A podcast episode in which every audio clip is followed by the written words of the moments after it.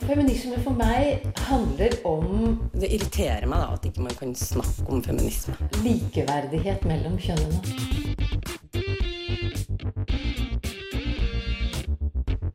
Det blikket på kvinnen på film. handlet det om å bli tatt på alvor som jente. Du hører på Et eget rom på Radio Nova. Fra Rikshospitalet og hormoner i del 1 til normer, holdninger og politikk i del 2. Hvordan er det å være transperson i det norske samfunnet, og hvordan har utviklingen vært?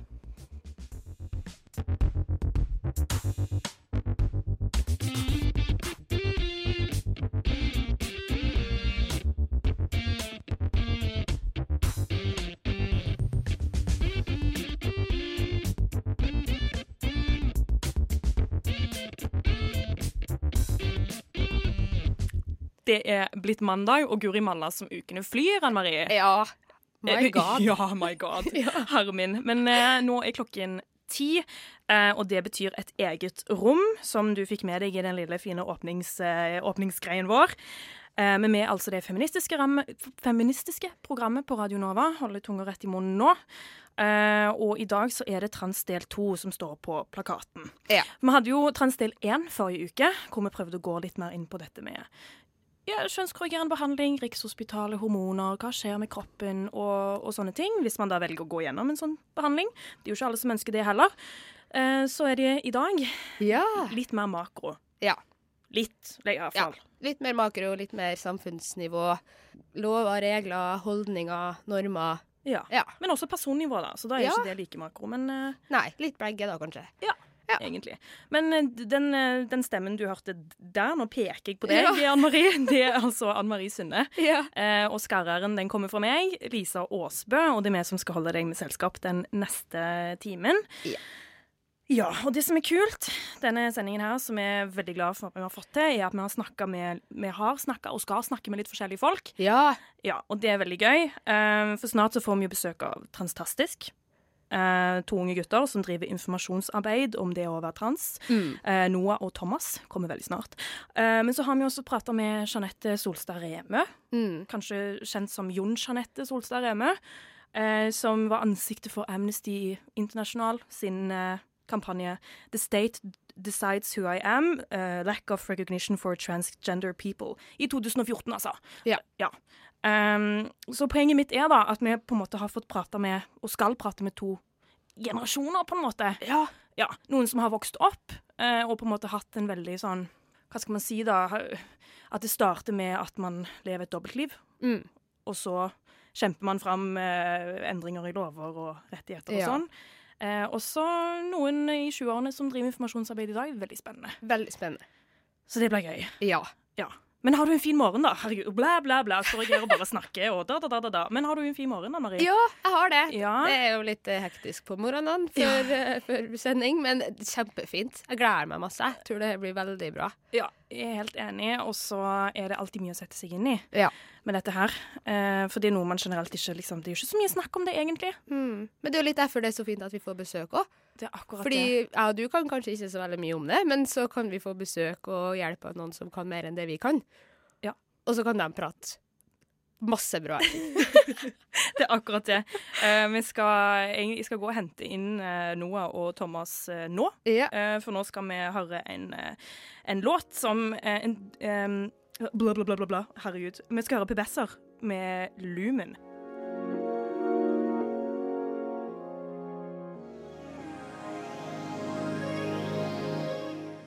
London-baserte PBS-er med Lumen hørte du der. Og akkurat nå så hører du på et eget rom på Radio Nova. Og nå har vi fått selskap i studio. Velkommen skal dere være. Transtastisk. Eller ja, eh, Thomas og Noah. Velkommen. Har dere en fin morgen så langt, eller? Ja, veldig hyggelig velkomst her. Ja. Ja, så bra. så hyggelig å høre. Men eh, dere er jo her fordi dere står bak det som dere har kalt for Transtastisk. Eh, og dere driver med informasjonsarbeid i hovedsak. Kan dere fortelle litt om hva dere gjør? Eh, skal jeg ta litt her? Eh, vi startet jo egentlig Transastisk for eh, å på en måte ja, fremme åpenhet og synlighet generelt rundt da, transtematikk. Eh, og det er fordi vi er, vi er i samme situasjon selv, og da ja, vi begge har vel sett behovet og har sett eh, at det er ja, generelt behov for mer informasjon, og det må snakkes mer om, da. Og, og dette med relevant kunnskap også. Sånn ikke bare at man vet, men hva man vet også. Ja, hvordan da, tenker du? Nei, type heller spørre hvordan det går med meg, da, enn å spørre hva jeg har gjort med kroppen min. Ja, ikke sant. Hvor fokuset skal ligge, på en måte. Men altså, hender det at man blir møtt med det sånn hvis man er på fest, eller, eller liksom Er det ikke Altså, hvis folk får høre at dere er transmenn, er det sånn at man spør ja, istedenfor ja, hva er det du driver med, sånn hva musikk liker du å høre på, men at istedenfor blir fokus på det med en gang, da? Med en gang. Og så blir det vel mange som ser på det at man sier til noen at man er transatt, en slags invitasjon på å spørre om, om alt mulig personlig, holdt på å si. Sånn som de sier, de spør ikke hva slags musikk jeg liker, men heller ja, hvordan kroppen vår ser ut, eller hva vi skal gjøre eller har gjort, eller. Rett på med en gang, liksom? Ja, ja. ja. Første gang jeg hilste på, så ja, ja, men hvordan ser det ut, liksom? Nedentil. Ja. Oi, oi. Det Veldig var veldig rart. Ja, Ja, jeg kjente jeg ble litt satt ut. Men altså sånn Når dere gjør arbeidet deres med foredrag og sånn, hva er det dere møter egentlig av spørsmål og Ja, for det er foredrag dere, dere driver med mest? Eller hva, hva slags virksomhet? Eller hva, reiser dere rundt? Eller hva, er det bare i Oslo? Eller hva? Vi reiser litt rundt Ja. eh, på forespørsel. Ja. Og vi møter jo, det kommer an på hvem vi snakker med, da, når vi eh, møter forskjellige spørsmål. Men vi, har jo, vi pleier å ha en sånn eh, type slide hvor vi forteller hva vi pleier å møte, og om det er greit å spørre oss om det, om de i salen ville spurt oss. Og da er det jo alt fra hvilken pronomen foretrekker du, som er et ganske greit spørsmål, eh, og inkluderende spørsmål, til da hvordan har du sex? Ja. Så det er liksom et lite spenn der. ja, ikke sant. Så det er veldig bredt, da. Mm. Ja. Da kan vi jo egentlig spørre om det. Hvilke pronomen er det dere bruker? Han. Begge Ja. to bruker vel han. Ja. ja, OK. Da er det greit. Det er veldig greit å få den eh, på plass, iallfall. Mm. Ja. Men eh, på, på forespørsel, vil det si altså reiser dere på, eh, på skoler og seksualundervisning og sånne ting, eller er det mer eh, Hva slags type arrangementer er det dere deltar på? For litt over en uke siden så var vi på Gjerdrum, på en skole, Ja. og holdt foredrag der. For, Eh, for elever, da. For elever. Ja. Men så snakker vi også til helsepersonell, f.eks. Det er jo, kommer an på hvem som vil høre, og hvem som trenger å høre. Hæ. Ja, for jeg kan jo tenke meg at eh, altså at dem som spør om dere kan komme og holde foredrag, kanskje er dem som er åpne nok til å tenke at det er noe å prate om likevel. Da. At man burde egentlig nå enda bredere, på en måte. Ja, men vi prøver jo vi prøver å henvende oss til mennesker, vi, og ikke vente på at Ja. alt kommer i fanget vårt. Um, og det er jo veldig forskjellig nivå av forståelse. Som man merker på, og type etter foredrag så hender det at noen kommer, og, kommer til oss og liksom Oi, vet du hva, det har jeg ikke tenkt på før. At, Ja. eh, at det er faktisk sånn det er, eller at Rikshospitalet er sånn, eller eh, noen aspekter ved det å være trans, Det har de kanskje ikke tenkt på før. Bare det å bevisstgjøre er eh, viktig. ja. Men dere snakker om på en måte alt. Egentlig alt fra Rikshospitalet til eh, erfaringer, eller hvordan det er å leve, eller hvordan det er å være trans i, i Norge i dag. Eh, men eh, Så dere, dere har et veldig vidt spenn i hva dere snakker om. Mm. Ja. Så er det gjerne, så spør vi om det er noe spesielt de vil høre om også. Så det er mye sånn sp spørsmål fra salen, eller, eller hvordan tenker dere da at dere spør de som kontakter dere? Vil du ta den? Ja, nei, jeg holdt på å si sånn spørsmål fra salen først. da. Det er sånn, når vi hadde foredrag på den skolen, så var det for niendeklassinger. Ja. Eh, og da er man jo i en fase der enten så tør man ikke å spørre om noen ting, eller så spør man om allting, på en måte. Ja. Eh, så vi fikk ikke så mye spørsmål da, men eh, fikk litt sånn ja, hva heter det før, og hvilke kjønn liker dere, og liksom litt sånn, da. Men ja. Og det, men dere stiller dere på en måte helt tilgjengelige for alle spørsmål, da? Ja, men vi stiller oss også tilgjengelige for å si at det er ikke et greit spørsmål. Ja. Eller si at eh, type mitt svar hvis noen spør hva jeg het før, så si at det er en statshemmelighet. Så det er liksom, man har jo forskjellige måter å svare på, da, selv om man kanskje ikke nødvendigvis har lyst til å svare på spørsmålet. Mm. For det er også et viktig poeng å få fram, også at man kan si at ja, men det er ikke sånn at man kan Kanskje litt sånn at man kan gi, si, gi beskjed om det, sånn at når man møter på transpersoner senere, så vil man da vite at det er ikke nødvendigvis greit for det å spørre om det. Sånn som dere sier, da. At man ikke Ja, hvordan ser det ut nedentil på liksom Hei sann, vi møttes nettopp på fest. Ja. ja, men det er jo litt den tanken at eh, du vil jo ikke Altså, det er mye større sjanse for at man spør meg når man vet at jeg er trans, om hvordan jeg ser ut, eller hva jeg har operert eller ikke operert og sånn, Ja. Basert på at jeg er trans, istedenfor eh, å møte en annen person du vet er cis, da. Som Ja. er biologisk stemmende med kjønnet. Så man får jo veldig mye annerledes spørsmål bare basert på det. Og det er jo ikke sånn at um, Jeg er ikke et leksikon for alle, på en måte, bare fordi jeg er trans. Det er, jeg har valgt å være såpass åpen, men det er ikke nødvendigvis sånn at jeg skal ha spørsmål på gata for det. Hmm. Det er veldig sant. Veldig sant. Eh, dere skal være med oss eh, litt videre. Eh, for nå skal vi en liten tur til Storbritannia og Brighton, og vi skal høre Black Honey, 'Hello Today'.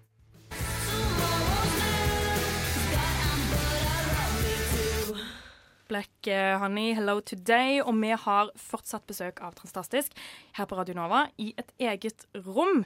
Eh, og nå har vi nettopp fått høre litt om ja, det arbeidet dere gjør, at dere drar mye, drar litt rundt, holder foredrag, snakker, svarer på spørsmål og sånne ting. Eh, men Anne Marie, Mhm. i januar så var du et, på et fagseminar i regi av Skeiv Ungdom. Ja, Ja. eh, det var jeg. Det var et veldig bra fagseminar. Hva var det det het? Det om Eller det het 'Hvordan møte unge skeive'. Ja. Det var jo det det handla om også. Der snakka de egentlig ganske mye om eh, hvordan man bare skal oppføre seg i hverdagen da, for å være inkluderende og for å eh, ha et åpent sinn. da, Litt sånn ting man kan tenke over hvis det er noen unge skeive som kommer til deg, f.eks. som ansvarsperson og sånne ting. Så Ja. det var veldig nyttig. Og der var jo dere òg. Og Noah, du satt jo i panelet. Riktig. Ja, så det var veldig bra. Eh, fordi noe av det de prata en del om, da, som jeg festa meg litt med, var eh, cis-norm og heteronorm. Så tenkte jeg at du var jo litt inn på det i sted, men kanskje dere kan fortelle litt hva det er, og hvorfor det er et utfordring, da. Hvorfor det er en utfordring. Du er så flink på å forklare om disse tre sterkeste normene, så jeg syns du kan uh... Jeg har alltid et sånn lite segment i foredragene hvor Ja. jeg tar opp de tre sterkeste normene. Og de er da to av de. Ja. Eh, og cis-normen er jo den forventningen om at alle skal ha en biologisk kropp som stemmer med eh, kjønnsidentiteten. Og heteronormen er det da at alle forventer at det er prinsen og prinsessa, eller at alle er tiltrukket av det motsatte kjønn, da. Og sånn ser vi jo veldig tydelig at det ikke er. Em, og jeg som har gått på testosteron så lenge, jeg har jo begynt å passere, hvis dere vet hva det er. Nei. Gjerne forklar det. Ja, gjerne forklar. Eh, passering er når jeg er mann, og når noen utenifra som ikke kjenner meg, eh, kaller meg han eller ser at jeg er mann uten at jeg har sagt det, da er jeg liksom passert. Ja. Hvis det ga mening. Ja, så det er liksom når behandlinga har gått så langt at folk Nei, det behøver ikke være på behandling generelt. Det er bare hvis det kjønnsuttrykket du eh, uttrykker deg med, eh, når det type Nei, hvordan skal jeg forklare det? Kan du hjelpe meg? jo, jo, men man trenger på en måte ikke egentlig noe behandling for å passere, vil jeg tro. Eller før vi begynte på testosteron, så så jo begge to relativt maskuline ut. Så nedover gata så hadde man kanskje passert sånn mens man gikk forbi noen. Men ikke sant, med en gang man skal snakke på telefonen og ha lys stemme, passerer ikke lenger. OK. Sannsynligvis. Men eh, hva var den siste normen, da? Jeg nevnte jo to, men er det en til? Det er en til. Ja. Eh, det er funksjonsnormen. OK. Eh, og det er da forventningen om at alle skal ha en kropp som fungerer etter hva flertallet syns er normalt eller optimalt. Da. Og jeg gjør veldig, eller jeg prøver å liksom bevisstgjøre at hvis vi bryter ned alle disse tre normene, så inkluderer vi veldig mange flere i samfunnet. Jo, nettopp. Og så var det den hetero... Heteronormen, Ja. Og det er for så vidt ikke bare homofil eller hetero. Det er jo også et spekter i eh, seksuell orientering. Mm. Så da får man på en måte inkludert eh, ja, kjønnsidentitet og sånn, blir inkludert. Og så har man også eh, seksuell orientering, også, også med funksjon. Eh, og det går jo på veldig mange. Mm. Eh, Også ikke bare transpersoner, men også på eh, mennesker med funksjonshemmelser og, og, og så videre. Ikke sant? Ja. Og det er også en greie med Transtastisk at vi har veldig lyst til å ha en sånn rød tråd av likestilling og, og, og inkludering, da, og type alle som hører på, eller så mange som mulig som hører på, skal kunne kjenne seg igjen, selv om de er cis og hetero, for eksempel. Type alle har jo kjent på det å ikke føle seg bra nok. Men også sånn um, Jeg tenker i hverdagen, da. Hva er det av Hvordan møter dere de normene, liksom? Måte, hva er det dere merker at OK, her er det heteronormen som gjør at det er sånn og sånn, på en måte? Nei, for eksempel hvis jeg hadde sagt at jeg hadde fått meg en ny kjæreste, så hadde noen kanskje bare instinktivt spurt ja, hva heter hun? Eh, nå er jeg jo for så vidt hetero, men tenk hvis jeg hadde en guttkjæreste. Så, blir man da, så må man liksom komme ut igjen, på en måte. Og det blir en sånn situasjon der jeg kanskje ikke hadde følt meg helt sett. Men akkurat det der er veldig sånn der eh, Jeg har blitt veldig obs på det sjøl. Man må på en måte jobbe litt hardt med å tenke sånn OK, nå skal jeg ikke bruke hva heter hun, eller, eller hva heter han, eller at man prøver å bare ja, hva heter kjæresten din? At det, man må ofte jobbe litt med seg sjøl altså, og være litt obs. Og det overrasker meg at man må være sånn på, da. Men vi har jeg. et veldig kjønna språk, så det blir jo en sånn bevisstgjøring av det, og på en måte prøve å omstille noen ord. Og så ta til seg nye ord også. Det kan også være vanskelig. vanskelig. Ja, det kan det. Iallfall hvis det er ord man ikke egentlig har vokst opp med. Ikke Jeg tror det er veldig sånn underbevisst alt det her, at det er bare noe vi har lært. Så man må liksom aktivt jobbe mot det, da, for å bruke ord som er mer inkluderende. Men er det andre ting i språket dere har merka, eller? Ja, man har jo med liksom flere eh, pronomen, da, selvfølgelig. Med hen og sånne ting. Det, Typ istedenfor to kjønn, så er det alle kjønn. ja. Så det er mye, mye i språket jeg tror man kan, kan endre sånn generelt, på en måte også. Også, også sånn som de og vi. Eh, på det fagseminaret så hørte du kanskje at alle sa 'de av oss'. Ja. Og da er det plutselig rom til flere. ja De av oss som bryter med kjønnsnormen, de av oss som bryter med eh, heteronormen. Ja. I stedet for at man sier på en måte dem andre, på en måte. At man lager et sånt Ja. For vi er jo her sammen. Mm. Alle sammen deler jo liksom, på jorden. Sånn, ja. At det ikke bare de som bryter, men de av oss, ja. Så man er jo faktisk et, at man er et fellesskap også. Ja. Det blir liksom et større fellesskap uansett ja. bakgrunn, på en måte. Ja, og så apropos fagseminar, så var det en annen ting som jeg også ble veldig nysgjerrig på. da, at mm. Jeg husker ikke hvem det var, men det var noen som nevnte at man ø, kan føle seg både usynlig og selvlysende samtidig. Ja. Ja, og det ble jeg litt nysgjerrig på. Kanskje dere kan forklare Ja, hva det betyr? Det er jo sånn som, sånn som du hørte i salen, så var det mange forskjellige definisjoner på hva folk tenkte rundt det, da. Mm. Men jeg tenker jo spesielt som, som transperson, så eh, ofte så kan jeg føle meg veldig lite sett, fordi jeg, håper å si, jeg blir ikke anerkjent som å være mann, jeg blir ikke tatt på alvor, og jeg håper å si, samfunnet er ikke lagt opp til meg på samme måte da, eh, som, som for cis-personer. Eh, også, men med en gang folk vet at jeg er trans, så blir det på en måte veldig tydelig. Det blir det eneste som på en måte syns ved meg, eller Ja, du nevnte jo i stad eh, dette med fest, at det kanskje kommer opp på fest. Og jeg tror det er hvert fall et år siden siste fest jeg ikke måtte ta opp dette med kjønnstematikk, eller ha en samtale om kjønn eller sånn. da. Nesten garantert. Nå er jo vi litt nerds også, da, så vi snakker om det det. så- Det er jo en litt spennende samtale å ha. Det er jo det. Ja, men jeg skjønner det, at det skal jo på en måte Deres identitet er jo ikke på en måte det å være trans. Hele identiteten. At det er jo mye mer med et menneske enn bare Absolutt. det.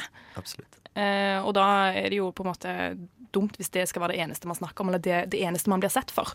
Ikke sant.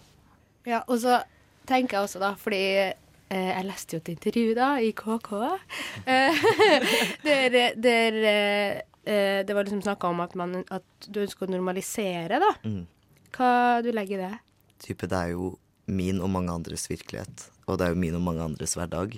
Og sånn jeg ser det, så er det Det handler om type at jeg er så glad i meg selv at jeg syns også at jeg fortjener å være lykkelig på lik linje som alle andre. Og type det at alle har en sånn Jeg tror det er et universalt ønske, det å ville bli lykkelig, det å være komfortabel med seg selv og sånn. Det er det samme med trans. Altså, jeg har Det er ikke noe forskjellig fordi jeg er trans. Jeg er fortsatt liksom et menneske med verdier og meninger og hobbyer og venner og familie. Og at det er ikke liksom nødvendigvis bare trist og dumt at jeg er trans. Og det er ikke bare motgang. Det er liksom masse fint, og det er Jeg vet ikke om jeg forklarte det. Jo, jo, at man på en måte At det skal bare Eller at det skal bli en normal del av en hverdag, da. At det skal se være det som stikker seg ut litt tilbake til det, Det er jo om? det snakket som man sammenligner ofte transkampen det med homokampen. Eh, og det blir jo litt det samme. Det er jo ganske normalisert å være homofil, i Norge i hvert fall i dag. Eh, det er jo, Selv om man har heteronormen, så er det jo på en måte det å være homofil eller lesbisk er ikke liksom så rart som på en måte det var eller ble sett på som tidligere. da. Og så er det sånn Hva, hva er egentlig normalt? Sånn, Ja. Det ligger jo et spenn uansett cis eller trans, så er det et spekter i maskulin og feminin og alt sånn. Men hvordan dere tenker at vi kan eh, få til det, da? Nei, det er jo medmenneskelig respekt, da, først av alt. Eh, type møte alle med nestekjærlighet uansett bakgrunn, på en måte. Altså, Vi gjør jo det vi gjør for å normalisere det, og vi vil jo ja, vi vil være eksempler på at man kan leve normale og gode liv og fungere i samfunnet og ha en familie som støtter deg, og venner og kjæreste og allting. Så vi på en måte, det er jo det vi ønsker å gjøre. Vi vil at folk skal snakke mer om det, men også at det skal, det skal bli mer da normalt da, i samfunnets øyne. Og hvis man setter liksom ansikt på en fordom, så er det litt vanskeligere å holde den fordommen. Mm. Ja, for da ser man på en måte mennesket Mm. Så blir den liksom brutt ned, forhåpentligvis. Jeg vil gjerne ønske dere masse lykke til med arbeidet deres videre. Og Tusen takk. tusen, tusen takk for å besøke. Mm. Ja, det er veldig kjekt å komme. Eh, Noah Lindås og Thomas Westervold Hansen, tusen takk. Du hører på Et eget rom.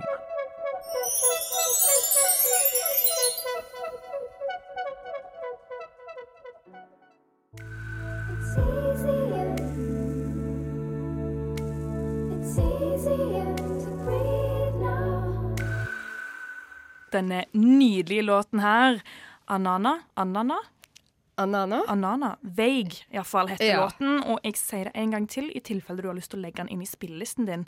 Eh, Anana, Vague, Vague skrives Ja. det. Nydelig låt, altså. Ja. Så fin. Men nå hadde vi jo nettopp besøk av Transtastisk, Noah og Thomas, på en måte fra den yngre generasjonen, da, kan man vel si. Eh, jeg vil jo tro at når man er i 20-årene, så er man jo eh, Ung. ung. enn Ja. Den yngre generasjonen. Ja. Eh, men eh, nå i helgen, mest mer konkret på lørdag, så møtte jeg Jeanette Solstad Remø Ja. for et intervju. Eh, og man kan jo si at hun er i den eldre generasjonen. Ja. Ja. Eh, nærmer seg 70. Og det var en utrolig historie hun hadde å fortelle, altså. Um, fordi at um, det er sånn at i 2016 uh, så kunne man ikke endre sitt juridiske kjønn uten å måtte gå gjennom en form for behandling som innebar sterilisering. Mm. Ja. Eh, eller kastrering, for å bruke et mer slagkraftig ord. Det var også det ordet hun brukte sjøl. Ja. Eh, og Jeanette, hun, eh, eller Jeanette da, forteller jo at dette var grunnet i at mennesker som hun ikke skulle få lov til å reprodusere seg. ja, det er helt sykt. Det var ikke noe begrunnelse for det. Men denne loven endra seg Ja. Uh, i 2016. Og så er det jo også sånn at altså, Jeanette hun var født som gutt, men med et damehode, som hun også sier så fint sjøl. Uh, men hun ønska ikke å operere seg eller gå gjennom noen form for kjønnskorrigerende prosess. Uh, for det er jo ikke alle som ønsker det. Nei, det er det ikke. Det finnes et stort, et stort mangfold der. Um, så hun ble jo eh, ansiktet for eh, Amnesty sin eh, store internasjonale kampanje. Eh, og også på en måte ansiktet for denne lovendringen som skjedde i 2016. eh, som også endra mange liv. Det er 700 mennesker cirka, som har søkt å endre sitt juridiske kjønn siden det. Siden denne loven trådte i kraft.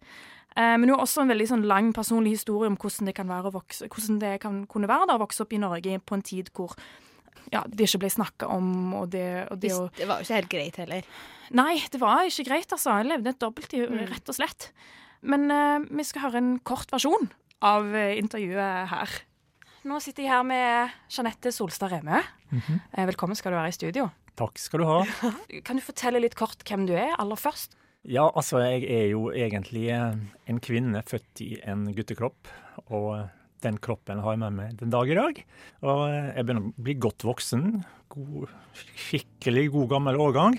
Eh, men eh, jeg har ikke tenkt å gjøre noe med, med kroppen min, for det funker utmerket for min del, sånn som det er. Og så kaller jeg meg gjerne, ja, først og fremst så kaller jeg meg for menneske. Og dernest så kan jeg gå med på at jeg heter transkvinne. Og for den del transseksuell òg, men da uten operasjon. Ja, jeg levde dobbeltliv omtrent siden jeg ble født. Altså, jeg ble jo født med utovertiss, og da fikk jeg da betegnelsen gutt, og ble døpt for Jon. Og sånn i tre-fireårsalderen så sa jeg fra at her var noe fundamentalt galt.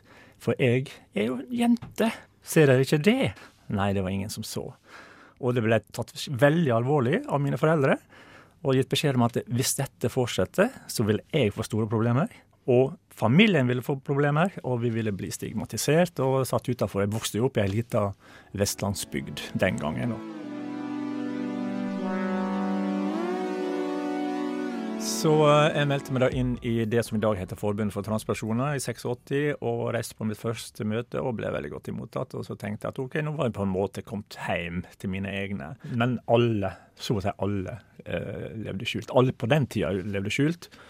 Men etter hvert så begynte jo folk, flere og flere, å tørre å, å stå frem. Da. Og denne, denne organisasjonen har betydd veldig mye for mye, mye utvikling videre. Men eh, jeg sto ikke åpent fram før i 2010. Ja, hva, hvorfor 2010? Ja, det var fordi at da friskmeldte Helsedirektoratet transvestitisme, som de kalte det den gangen der. Og jeg kunne ikke være mentalsjuk syk av å være ubåtsjef eller statslos. Det var jo helt umulig.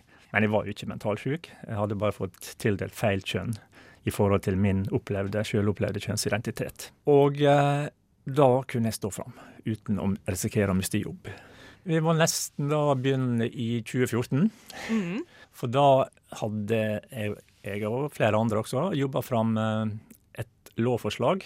Skulle inn i likestillings- og diskrimineringsloven i Norge. Vi hadde tre lover fra før, og dette var den fjerde loven som sa at det var forbudt å diskriminere pga. seksuell orientering, kjønnsidentitet og kjønnsuttrykk. Og eh, det var en eh, lang kamp. Det begynte i 2005 annet i noe som heter Menneskerettsalliansen, der jeg var med fra 2007. Og etter hvert ble leder der også. Eh, og eh, så fikk jeg god hjelp av bl.a. JURK, juridisk rådgivning for kvinner.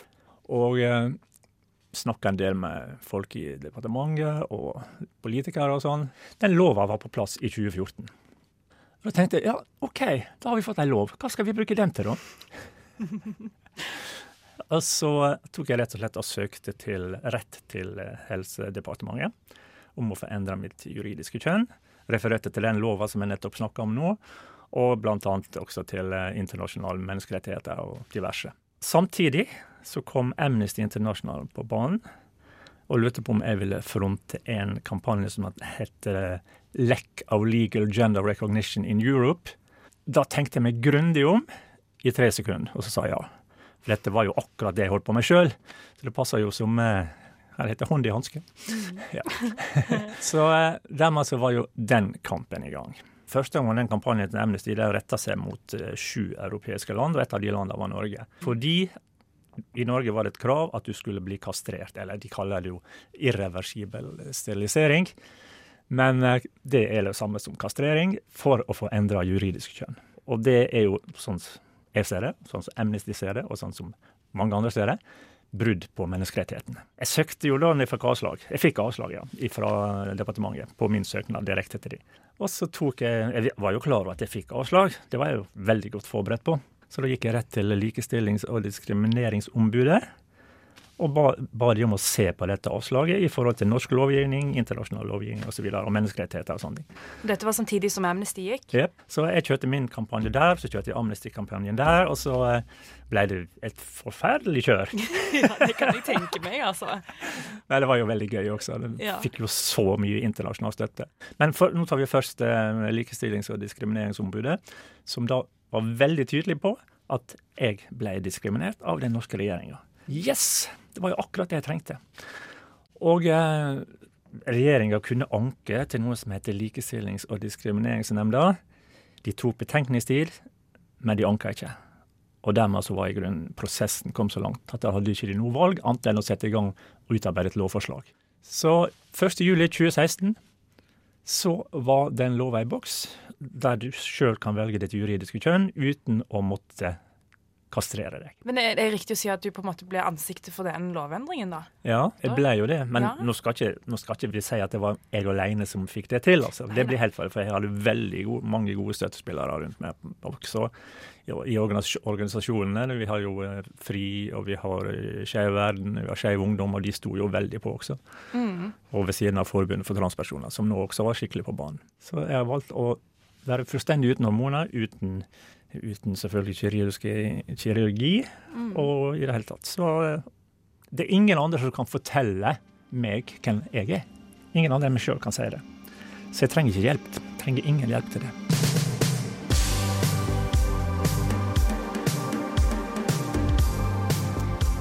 Jeanette Solstad Remø hadde jeg tatt en prat med der.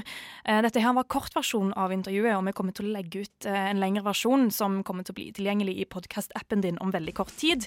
Eh, anbefaler å sjekke ut det altså senere i dag. Nå blir det musikk. Du skal få Boys med Rabbit her på Radio Nova.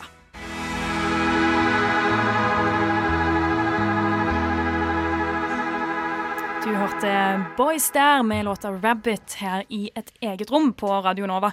Eh, og vi snakker altså da om trans. Trans del to. Eh, Ja. Makroperspektiv, litt mer politisk og sånn. Eh, og nå har vi jo kommet eh, litt mer inn på ja, veldig politisk. Eh, for vi eh, ja, Nå nylig, rett før den låten her, så spilte vi et intervju med Jeanette Solstad Remø, Mm. eh, som har vært på en slags reise, da. Nærmer seg da 70 år. Eh, og eh, har gått fra å leve et dobbeltliv fra når hun var yngre, fram til å stå fram i 2010, til å kjempe for sin menneskerett, til å leve som seg sjøl, og også være seg sjøl på uh, juridisk på papiret, da. Ja. Men det er mye som har forandra seg i løpet av livet hennes. Mm. Kanskje først og fremst det som skjedde i 2010. Uh, For da var det sånn at man hadde et begrep som heter transvestitisme, Ja. eh, som ble avskaffa. Ja. Eh, transvestitisme, eh, altså en sykelig behov for å kle seg i det motsatte kjønn sine klær, Ja. eh, som det så fint er definert, eh, ble avskaffa som medisinsk diagnose i 2010. Så det betyr jo egentlig at hvis du var sånn som Jeanette, som likte å kle seg eh, likte like å kle seg i det motsatte kjønn sine klær, så var du antatt, eller så var du liksom betrakta som syk. Mm. Sant? Frem til 2010, at det var en diagnose, på en måte at det var en medisinsk tilstand. Da. Så da ble det fjerna i 2010, og det er jo superbra.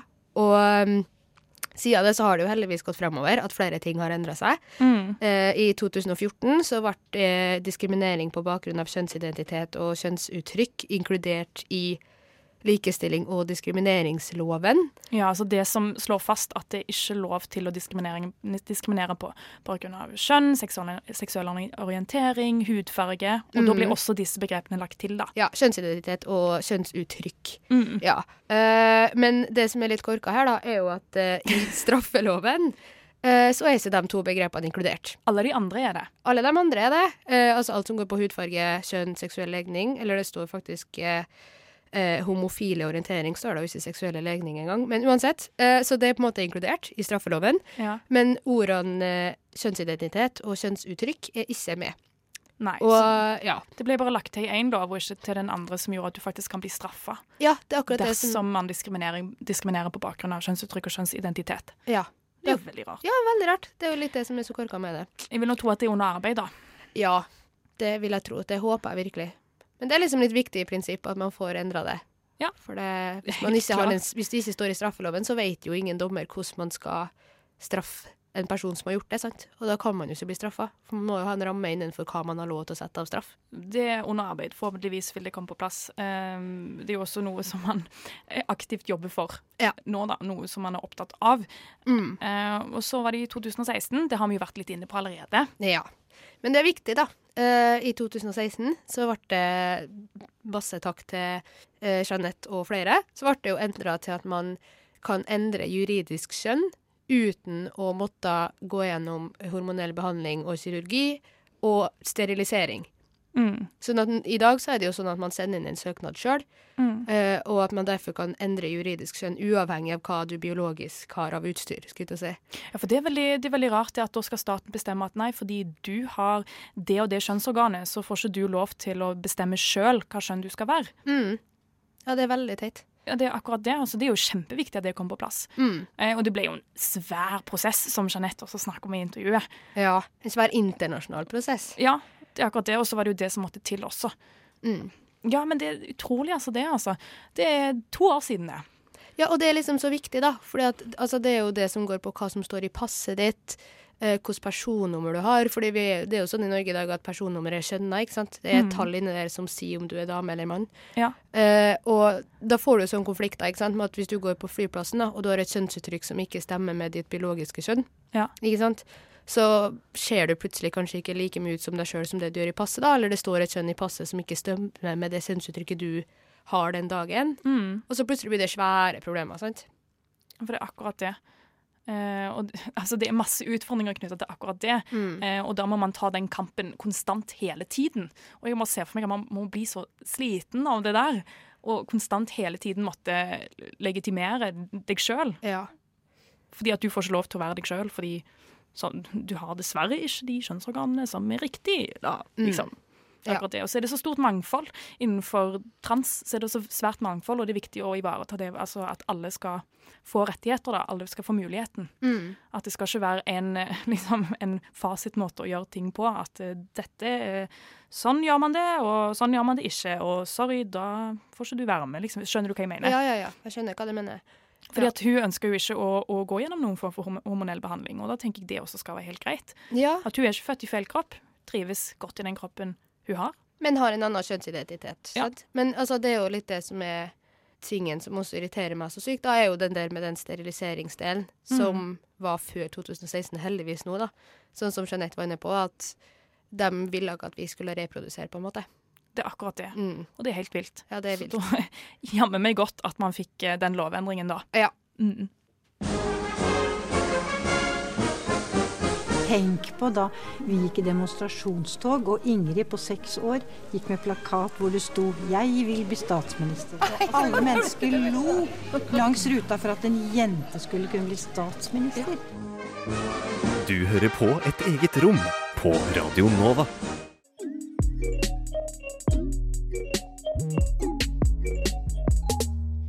Du hørte Pink Caravan utropstegn med Pop Lock and Lemon Drops. Eh, fet låt. Fet Ja. låt. Ja. Eh, et eget rom nærmer seg litt sånn slutten, men jeg tenkte sånn avslutningsvis så kan man jo si at det er veldig mye som gjenstår. Ja. Ja. Eh, bare sånn oppsummere det litt kort nå. Man må jo fortsatt diagnostiseres for å kunne gå gjennom kjønnskorrigerende behandling i dag. Mm. Og diagnosen, hva var den den het? Eh, det er diagnose F64 transseksualisme. Ja, nettopp. Ja. Så det er fortsatt en diagnose, da. Um, så der er det også mye som gjenstår. Det blir spennende å følge det med videre. Vi Mm. tror at det kommer til å forandres. Får håpe det. Får håpe det, ja. Og så er det også generelt altfor lite kunnskap om trans. Ja. Uh, og kjønnsidentitet og kjønnsuttrykk. Altså, jeg tenker på for lærere. Mm -hmm. uh, du går jo lektor, Anne Marie, og du har ikke hørt noen ting. Mm -mm, ikke en eneste gang. Nei. Uh, og også for helsepersonell. Der må du jo også mye mer Bare så generell kunnskap, at alle vet noe om det. Mm. Eh, Det er så utrolig viktig, også med tanke på sånn eh, når man møter andre mennesker sånn, som ikke har med jobb å gjøre, men at alle mennesker generelt bare er mer obs på eh, alle disse normene, da. Ja, og sånn som vi var inne på, hvor språk man bruker. Ja. Veldig enkel måte å være inkluderende på. Bare Ja. bruk riktige ord. Det gjelder også for eh, heteronormativitet. Mm. At Istedenfor å bare anta at det er han eller hun, eh, hva heter kjæresten din, eller Ja. Ja, det er akkurat det. Og så er det også veldig spennende dette her med tredje kjønn. Mm. Nytt kjønnspronomen, hen. De som står utenfor denne tokjønnsmodellen. Ja. De må også inkluderes og ivaretas. Det, Og det det. blir spennende. Det er jo en egen sending i seg sjøl, det. Ja. Absolutt. Men Ann Marie Sunne, du har vært i studio i dag sammen med meg, Ja. Lisa Aasbø. Og tusen takk til tekniker Helge Svensson. Du nikker der, ja. Tusen takk. Eh, og hvis du skrudde på radioen nå, så må du ikke fortvile, for dette her kommer ut som podkast. Og vi kommer til å legge ut den lange versjonen av intervjuet med Jeanette Solstad Remø. Eh, så følg oss på Instagram og Facebook, for der legger vi også jevnlig ut oppdateringer. Mm. Gjør vi ikke det? Jo, absolutt. Neste uke så blir det abort. Det blir veldig, veldig spennende. Eh, samme tid, samme sted. Eh, og på vei ut så skal vi få Mave med låta 'Bombs'. Du har hørt en podkast fra et eget rom på Radio Nova. Vil du høre mer? Sjekk ut et eget rom på Facebook, Instagram eller radionova.no.